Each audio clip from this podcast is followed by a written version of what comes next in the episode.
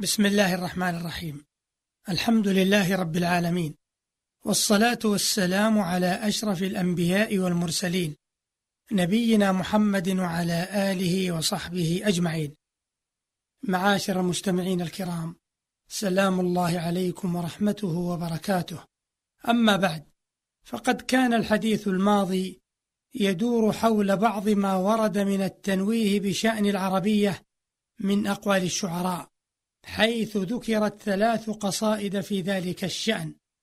الأولى لشاعر النيل حافظ إبراهيم رحمه الله والثانية والثالثة لعلامة العراق الشيخ محمد بهجة الأثري رحمه الله.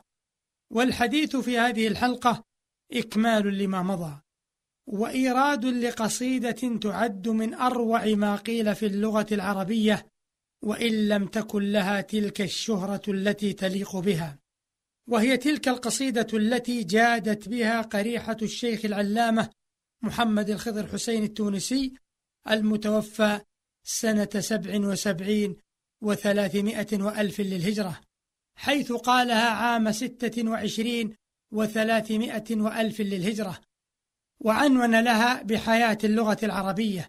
وجعلها في أسلوب رواية خيالية فقال رحمه الله بصري يسبح في واد النظر يتقصى أثرا بعد أثر وسبيل الرشد ممهود لمن يتجافى الغمض مصطاع السهر إنما الكون سجل رسمت فيه للأفكار آي وعبر وإذا أرخى الدجى أستاره هب سمعي كاشفا عما استتر لست أنسى جنح ليل خفقت.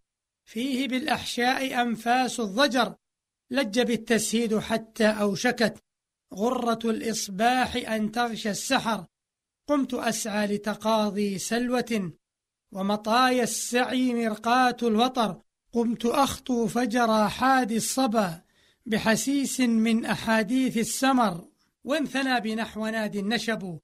في لحاء ولجاج منتشر.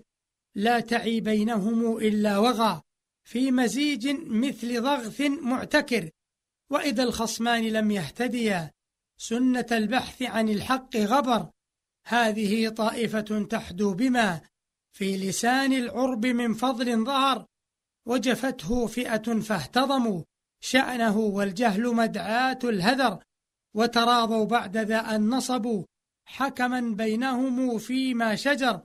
فانبرى فيهم خطيب بصدى لهجة فصحى وجأش مستقر لغة أودع في أصدافها. من قوانين الهدى أبهى درر لغة نحصر من أغصانها. زهر آداب وأخلاق غرر ضاق طوق الحصر عن بسطتها. ولآل البحر ليست تنحصر فاض من نهر مبانيها على. فصحاء العرب سيل منهمر فسرت روح بيان في اللها كخصيب الأرض يحييه المطر وابنها المنطيق إن زج به في مجال القول جل وبهر يسبك المعنى متى شاء على صيغ شأن الغني المقتدر ثم لا يعوزه السير على وضعها في كل معنى مبتكر. فاسأل التاريخ ينبئك بما أنجبت أرض قريش ومضر من خطيب مسقع أو شاعر مفلق يسحب أذيال الفخر. ضربت في كل شرب ينتحي من فنون الحسن بالسهم الأغر. أرشفت من شنب الرقة ما يذهل الأسماع عن نغم الوتر. ولطيف اللفظ يسري في الحشا. ما سرت نظرة ظبي ذي حور وتذيب القلب رعبا بجزا التي أسلوب لديها محتكر والكلام الجزل وضعا واقع. موقع السيف إذا السيف خطر ظل قوم سلكوا في حفظها. سببا أوهن من حبل القمر ألقمت في نطق قومي أحرفا. من لغى أخرى فأضناها الخدر بعض من لم يفقهوا أسرارها قذفوها بموات مستمر نفروا عنها لواذا وإذا جف طبع المرء لم تغن النذر.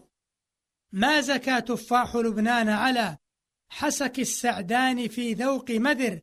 هكذا في نظر الأعشى استوى زهر روض وهشيم المحتضر. لغة قد عقد الدين لها ذمة يكلأها رب البشر. أولم ينسج على منوالها كلم التنزيل في أرقى سور. يا لقوم لوفاء إن من نكث العهد أتى إحدى الكبر. فأقيموا الوجه في إحيائها وتلافوا عقد ما كان انتثر.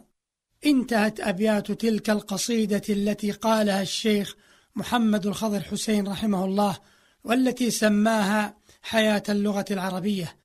وإن له قصائد حسانا في اللغة العربية ضمنها ديوانه المعروف بخواطر الحياة.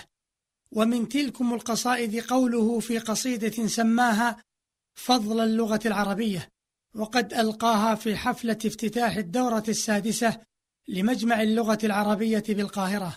ومما قاله فيها فما أهوى سوى لغة سقاها قريش من براعتهم شهادا أداروا من سلاستها رحيقا وهزوا من جزالتها صعادا وطوقها كتاب الله مجدا وزاد سنا بلاغتها اتقادا. تصيد بسحر منطقها قلوبا تحاذر كالجآذر أن تصادى قنت حكما روائع لو أعارت سناها النار لم تلد الرمادا. سرت كالمزن يحيي كل أرض ويبهجها وهادا أو نجادا.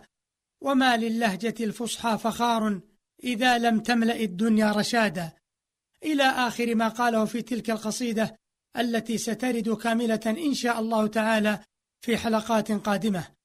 وقال رحمه الله قصيدة في افتتاح مؤتمر المجمع اللغوي بالقاهرة رضت القريض لعلني أسلو به ذكراهم وأغيب عن آلامي فصحوت من شجن إلى شغف بما في نطق يعرب من سنا ووسام هي لهجة شبت بأرض بداوة فيحاء بين الأسد والآرام. لكنها وسعت علوم أرسطبل وسعت حضارة فارس والشام. اللفظ أصفى من حباب سلافة قد لثموا إبريقها بفدام. لو أن خودا تستعير الحلي من صوغ ابن برد أو أبي تمام. أسرت أسودا قد تحاموا قبلها أن يؤسروا بصبابة وغرام. إلى آخر ما قاله في تلك القصيدة التي سترد كاملة إن شاء الله تعالى في حلقات قادمة. وإلى هنا معاشر مستمعين الكرام ينتهي وقت هذه الحلقة. وإلى لقاء في حلقة أخرى. أستودعكم الله الذي لا تضيع ودائعه. والسلام عليكم ورحمة الله وبركاته.